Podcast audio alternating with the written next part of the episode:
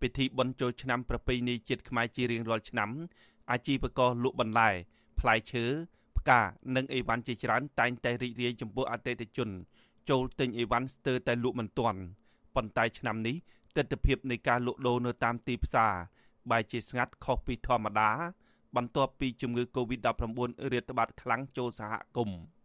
អាជីវករនៅផ្សារដេប៉ូរាជធានីភ្នំពេញលោកស្រីសុកហួរប្រាប់អាស៊ីសេរីថាជារៀងរាល់ឆ្នាំ នៅថ្ងៃបុណ្យធំធំមួយសប្តាហ៍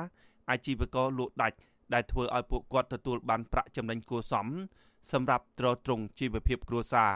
ប៉ុន្តែឆ្នាំនេះអាជីវករលក់មិនសូវដាច់ទេព្រោះប្រជាពលរដ្ឋមិនសូវដើរផ្សារហើយអ្នកទិញភ ieck ច្រើនប្រញាប់ត្រឡប់ទៅផ្ទះវិញព្រោះខ្លាចជំងឺ Covid-19 ក្រៅពីនេះលោកស្រីសុកហួរប្រាប់ថាអីវ៉ាន់ដែលយកបន្តពីតកែឡើងថ្លៃថែមទៀតឧទាហរណ៍ដូចជាសាច់ជ្រូក យកពីតកែតម្លៃជិត20000រៀលក្នុង1គីឡូក្រាមលោកស្រីលក់ឲ្យអតិថិជនតម្លៃ20000រៀលទៅ30000រៀលក្នុង1គីឡូក្រាមទៅតាមប្រភេទសាច់អាជីវកររូបនេះថាស្ថានភាពនេះធ្វើឲ្យគ្រួសាររបស់លោកស្រីជួបប្រទះលំបាកខ្លាំងក៏ប៉ុន្តែលោកស្រីត្រូវបង្ខំចិត្តចេញទៅលក់ដើម្បីរកប្រាក់ចំណូលបន្តិចបន្តួចសម្រាប់ផ្គត់ផ្គង់ជីវភាពគ្រួសារចាហើយណាមួយអវ៉ាន់វាថ្លៃជ្រូកអីថ្លៃទៅពេលអញ្ចឹងទៅ អ្នកទិញក៏រាំងកាត់បន្ថយដែររត់បានអញ្ចឹងយើងប៉ះពាល់សឹងថាបើមិនយើងកូវីដហ្នឹងតាមតែមានលុយមានកាក់អីហូបហ្នឹងអត់ហ៊ានលក់ចេញលក់ឯងប៉ុន្តែប្រឈមមុខនឹងការបើយើងលក់ទៅបាត់អីយើងអត់មានលុយព្រាមទុកហូបផងគេអ្នកមានលុយគេจะទិញទុកពីពីទូដល់សម្រាប់យើងលក់ដូរតែអត់មានលុយចាប់ដែរដល់ប្រឹងលក់ទៅខ្លះលក់ជើខ្លាចខ្លះអីខ្លះស្រដៀងគ្នានេះដែរអាជីវករម្នាក់ទៀតនៅផ្សារដើមគោលោកស្រីហ៊ុតជីមរៀបរាប់ថារដូវបន់ចូលឆ្នាំខ្មែរឆ្នាំនេះ ប្រជាពលរដ្ឋដើរផ្សារតិចតួចទំនងជាពួកគាត់មិនសូវសម្បូរប្រាក់និងភ័យខ្លាចឆ្លងជំងឺ Covid-19 រួមទាំងការរឹតបន្តឹងការធ្វើដំណើរជាដើមលោកស្រីថាបញ្ហានេះធ្វើឲ្យលោកស្រីលក់មិនសូវដាច់ឡើយហើយប៉ះពាល់ដល់ជីវភាពគ្រួសារជាខ្លាំងលោកស្រីស្នើឲ្យរដ្ឋាភិបាលចាត់វិធានការទប់ស្កាត់ជំងឺ Covid-19 នេះឲ្យបានឆាប់ដើម្បីជួយដល់អាជីវករដែលកំពុងរងគ្រោះដោយសារវិបត្តិជំងឺ Covid-19 ថាវិការយើង ក៏ដូចថាយើងធ្លាប់ពីមុនលក់បាន10ឥឡូវយើងលក់បានតែ3អីចឹងទៅថយច្រើនឆ្នាំទៅគាត់ថាគេបើកគេអត់បិទអញ្ចឹងណាក៏នៅមានភ្ញៀវខ្លះគាត់មកទិញមកអីចឹងហោហាយចឹងទៅដល់ឥឡូវហ្នឹងបិទក្រុងទាំងស្រុងអញ្ចឹងវាបាក់ដែរខ្លះគ្នាអត់ហ៊ានចេញលក់ទៅសងំនៅក្នុងផ្ទះទៅប្រៀបធៀបមួយ năm ទៅខុសគ្នាច្រើនដូចគ្នានេះដែរអាជីវករលក់គ្រឿងសមុទ្រនៅខេត្តព្រះសីហនុលោកស្រីអឹងឆៃលី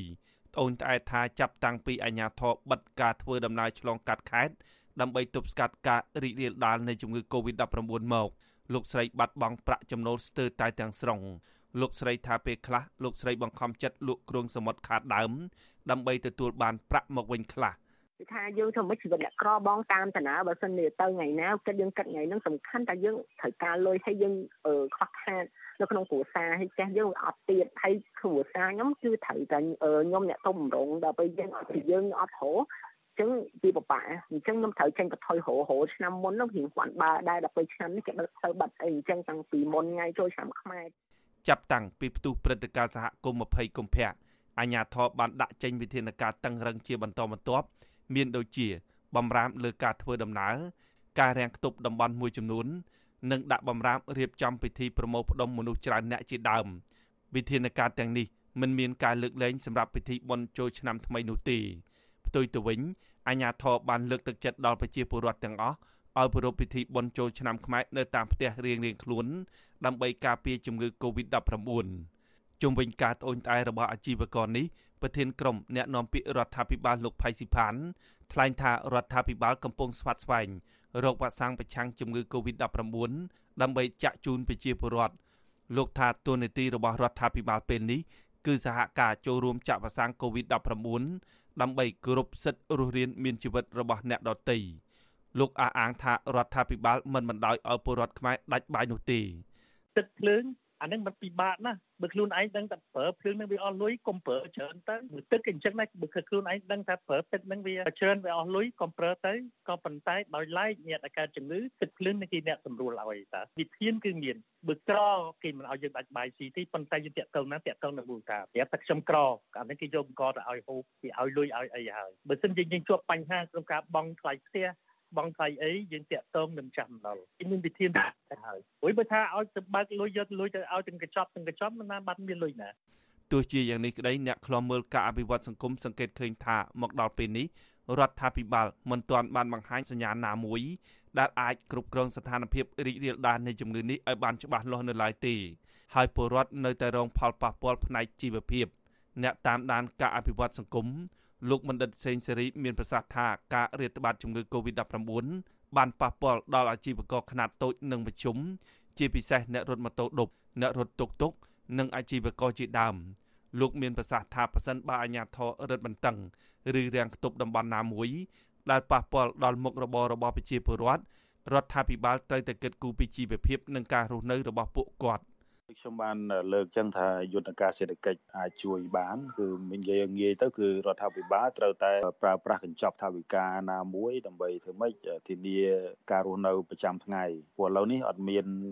អត់មានត្រូវទម្លាក់លុយសម្រាប់ការវិនិយោគអីទេដំណាក់កាលនេះគ្មាន